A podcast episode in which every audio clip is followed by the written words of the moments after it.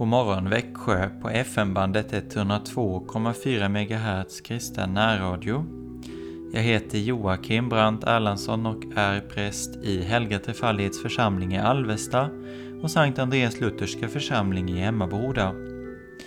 Vi lyssnar till O min Jesus.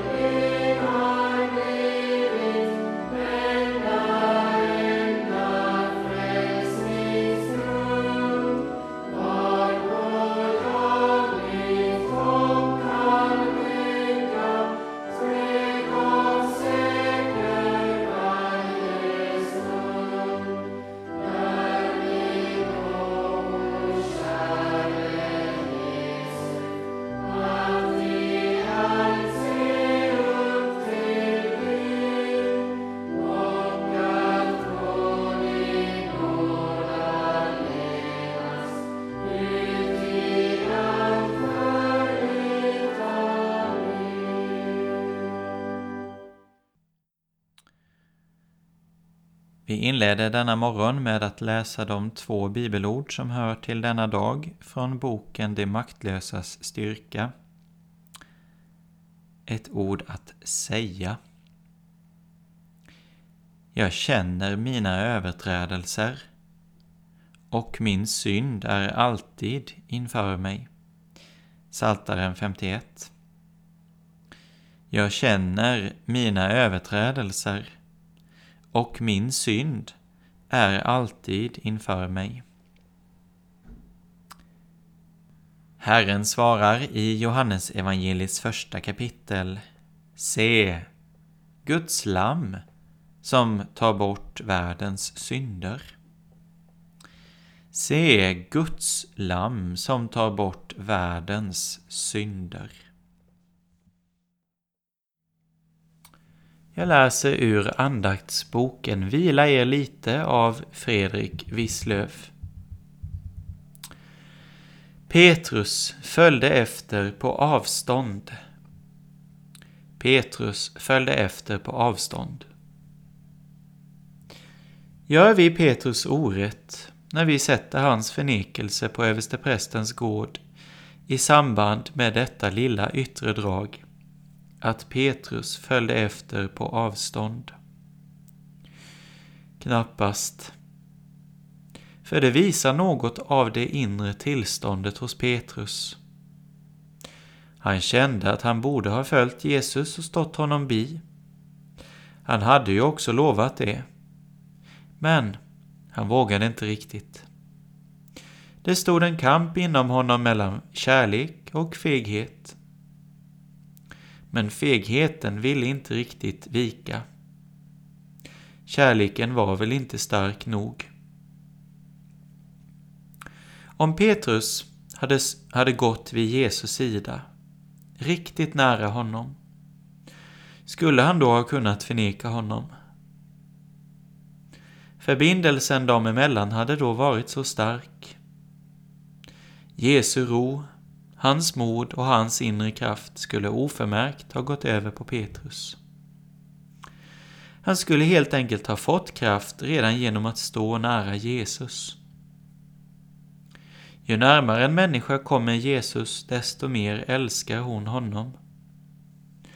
Och om Petrus kärlek hade varit riktigt brinnande skulle han säkert inte ha förnekat Jesus.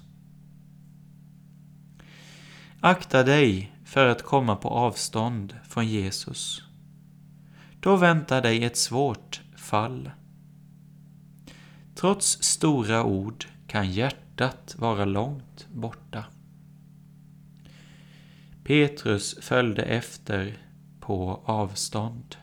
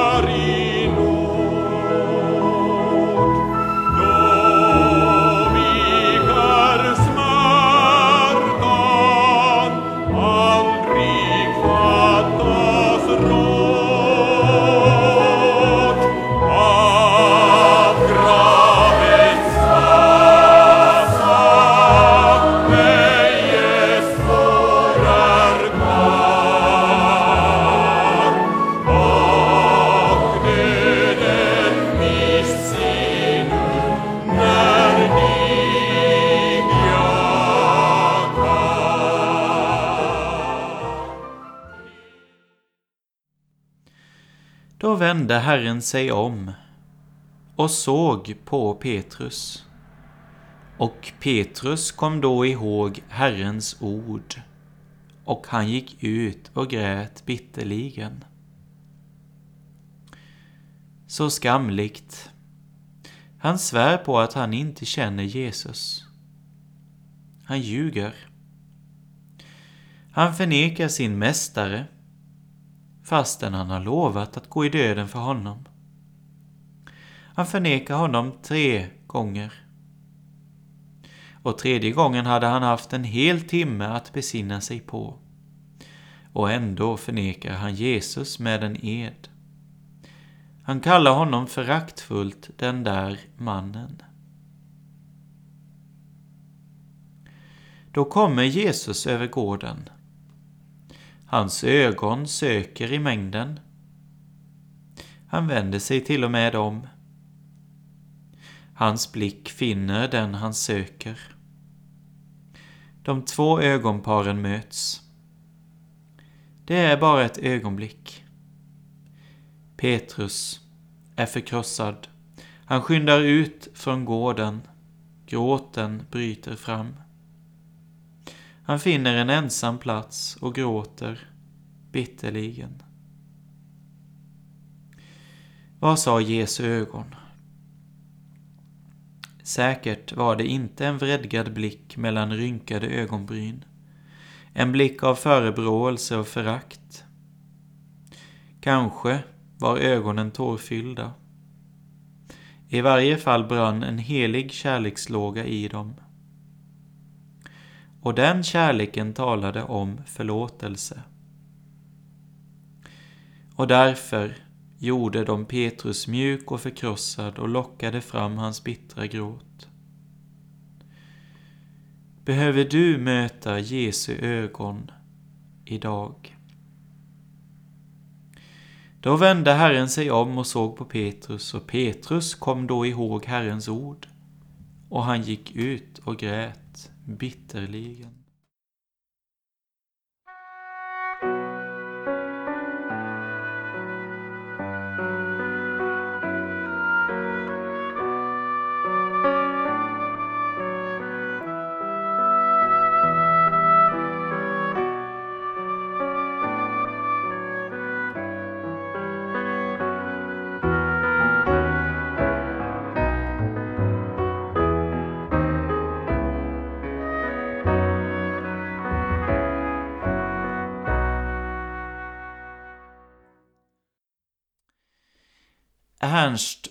Fritz Arndt föddes på Rygen år 1769 som svensk undersåte. Han visste mer än vi vad det är som håller att bygga på i tider av oro. Han blev professor i Greifswald år 1806 efter Preussens nederlag i slaget vid Jena samma år flydde Arndt undan Napoleons inkommande trupper till Stockholm, där han stannade till efter slutet av Pommerska kriget 1805 till 1807. Det var efter detta krig senare som han skrev den sång som jag nu till sist vill sjunga för dig. Jag vet vad som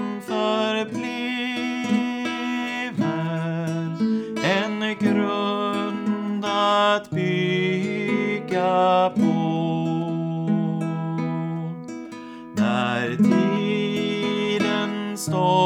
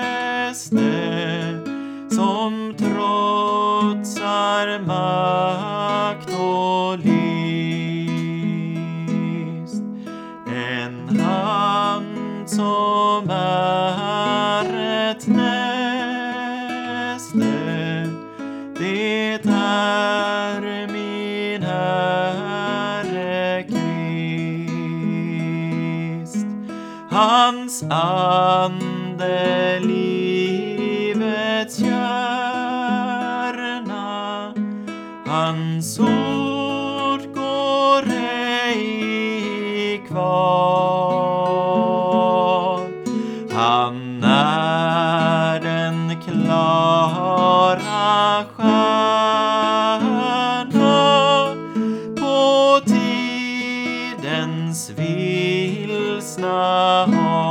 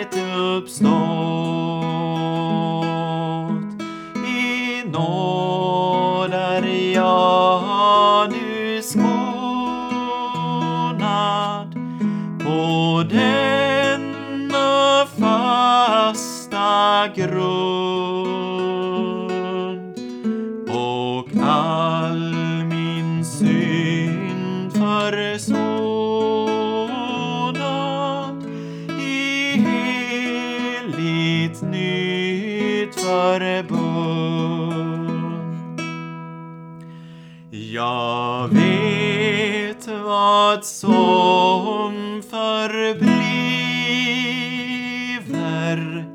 en grund att bygga på. När tiden stormar driver allt mänskligt att förgå. Sist i dödsminuten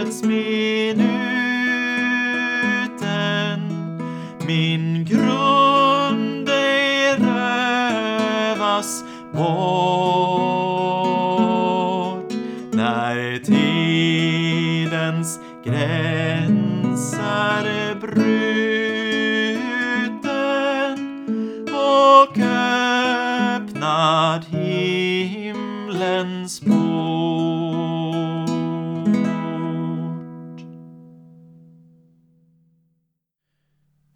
Många kristna blev förundrade när de läste i Hans-Erik Nissens andaktsbok Ett är nödvändigt den 24 februari som ju var den dag då det hände som vi alla nu tänker på.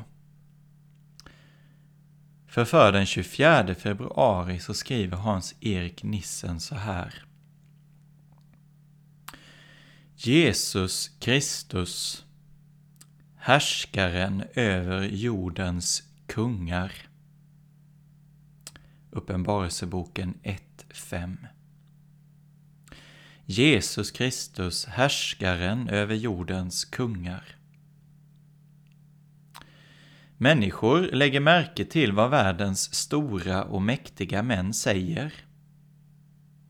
Många upplever att det är dessa som har miljoner människors öden i sina händer.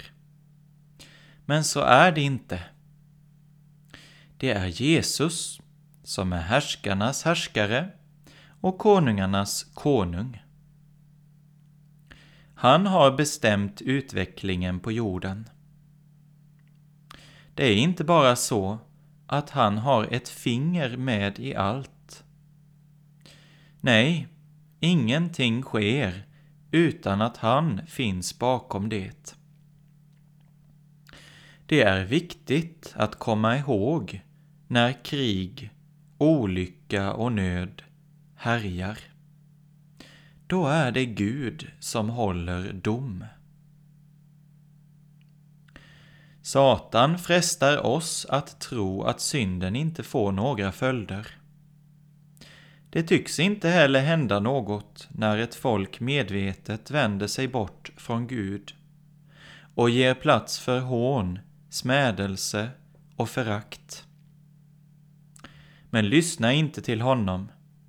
Han är lögnaren. Han har varit det från första stund. Och han kommer att fortsätta att vara det ända tills han kastas i eldsjön. Först då kommer alla att inse vilken förförande makt lögnen har varit. Jesus håller dom. Han gjorde det när han tog en piska och drev ut försäljarna från templet. Jesus tålde inte att hans faders hus blev vanhelgat. Jesus höll dom över Jerusalem då kejsar Titus kastade upp en vall omkring staden och jämnade den med marken. Jesus har hållit dom i vårt århundrade och han skrev alltså den här boken på 1900-talet. Genom att låta två fruktansvärda krig härja stora delar av den gamla kristna världen. Det har nu varit fred i många år. Men tro inte att det är förbi med Herrens vredesdom. Den uteblir inte. Gud är en helig Gud. Och han har sagt, det människan sår skall hon också skörda. Abraham bad om nåd för Sodom och Gomorra.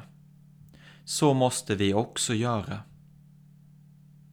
Vi må förundras över att Jesus har hållit sin vrede tillbaka. Men låt oss samtidigt vara medvetna om att den inte uteblir. Människor skall försmäkta av ångest. Inte ens de mäktigaste kan komma undan.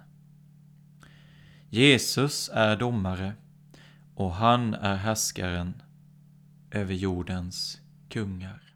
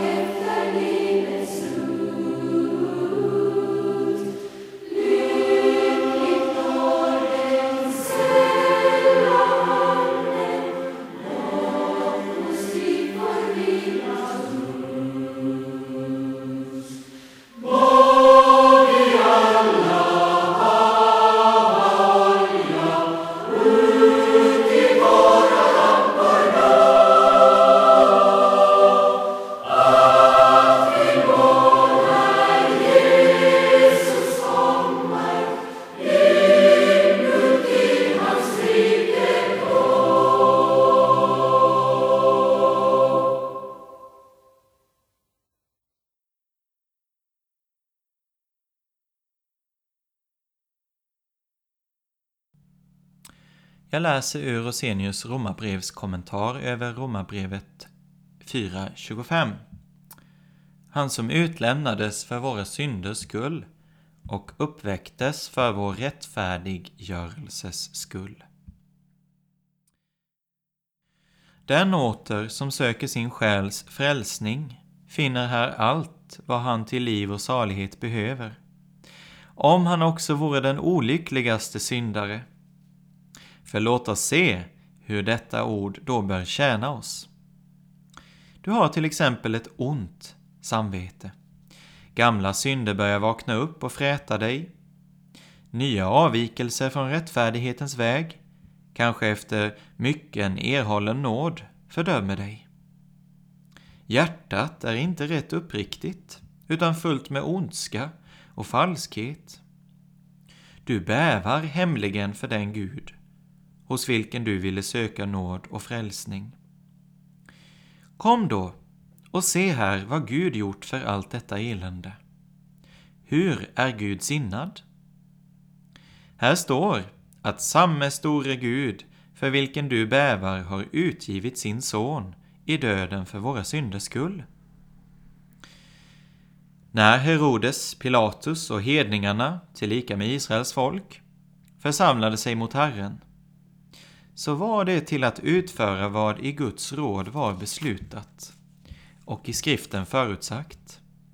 Så som Kristus uttryckligen sa, den kalk som min fader har gett mig, ska jag inte dricka den? Hur blev då skrifterna fullbordade? Och för vem blev han då utgiven i döden? Sannerligen inte för sin egen skull. För han var helig och Guds son. Inte heller för änglarnas skull, för de är själva goda och rättfärdiga, utan visserligen för vår skull, så som i vår text sägs. Månne då för vår godhet och fromhet?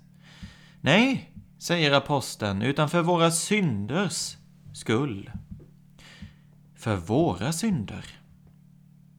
Vilka och hur många är där inbegripna?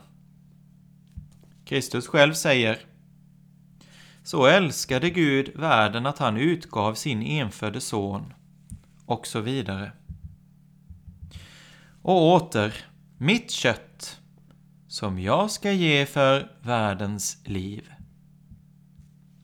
Så säger också Johannes döparen, se Guds lam som tar bort världens synd. Och så aposteln. Han är försoningen för våra synder, men inte bara för våra, utan också för hela världens. Detta kan då inte angå blott några vissa människor, utan sannerligen alla, även dig. Du säger, om jag bara visste att det hörde mig till. Och jag skulle även tro det om jag vore rätt from och god. Om jag vore så som de rätta helgonen varit. Sådant heter att inte rätt ge akt på orden. Här står att han har blivit utgiven för våra synders skull, inte bara för våra utan också för hela världens. Och vad menas i skriften med synder? Ordet i vår text betyder egentligen sidofall. Fall från vägen, från Guds budords väg. Så betyder också synd i allmänhet inget annat än brott mot Guds heliga lag. Det är detta som gör att synden så svårt trycker och pinar samvetet. Då man måste säga sig själv, du har brutit mot Guds heliga bud. Du har vetat Guds vilja och dock inte gjort därefter. Du har vetat vad Gud förbjuder och dock gjort det. Du bär i ditt hjärta sådant som strider mot Guds ord. Sådant är det som heter synd. Men nu säger vår text att han just för våra synders skull har blivit utgiven, nämligen till ett försoningsoffer och härmed har han funnit en evig förlossning, en evig nåd. Detta var också det enda rådet för vår frälsning. Eftersom i vårt kött är en evig synd, så var det nödigt att Kristus med sin död förvärvade oss en evig nåd, säger Luther. Lovat vare Herrens namn. Fader vår som är i himmelen. Helgat var det ditt namn. Tillkommer ditt rike. Ske din vilja så som i himmelen såg på jorden. Vårt dagliga bröd ge oss idag och förlåt oss våra skulder så som och vi förlåta dem oss skyldiga är. Och inled oss inte i frestelse utan fräls oss ifrån ondo. Ty riket är ditt och makten och härligheten i evighet. Amen.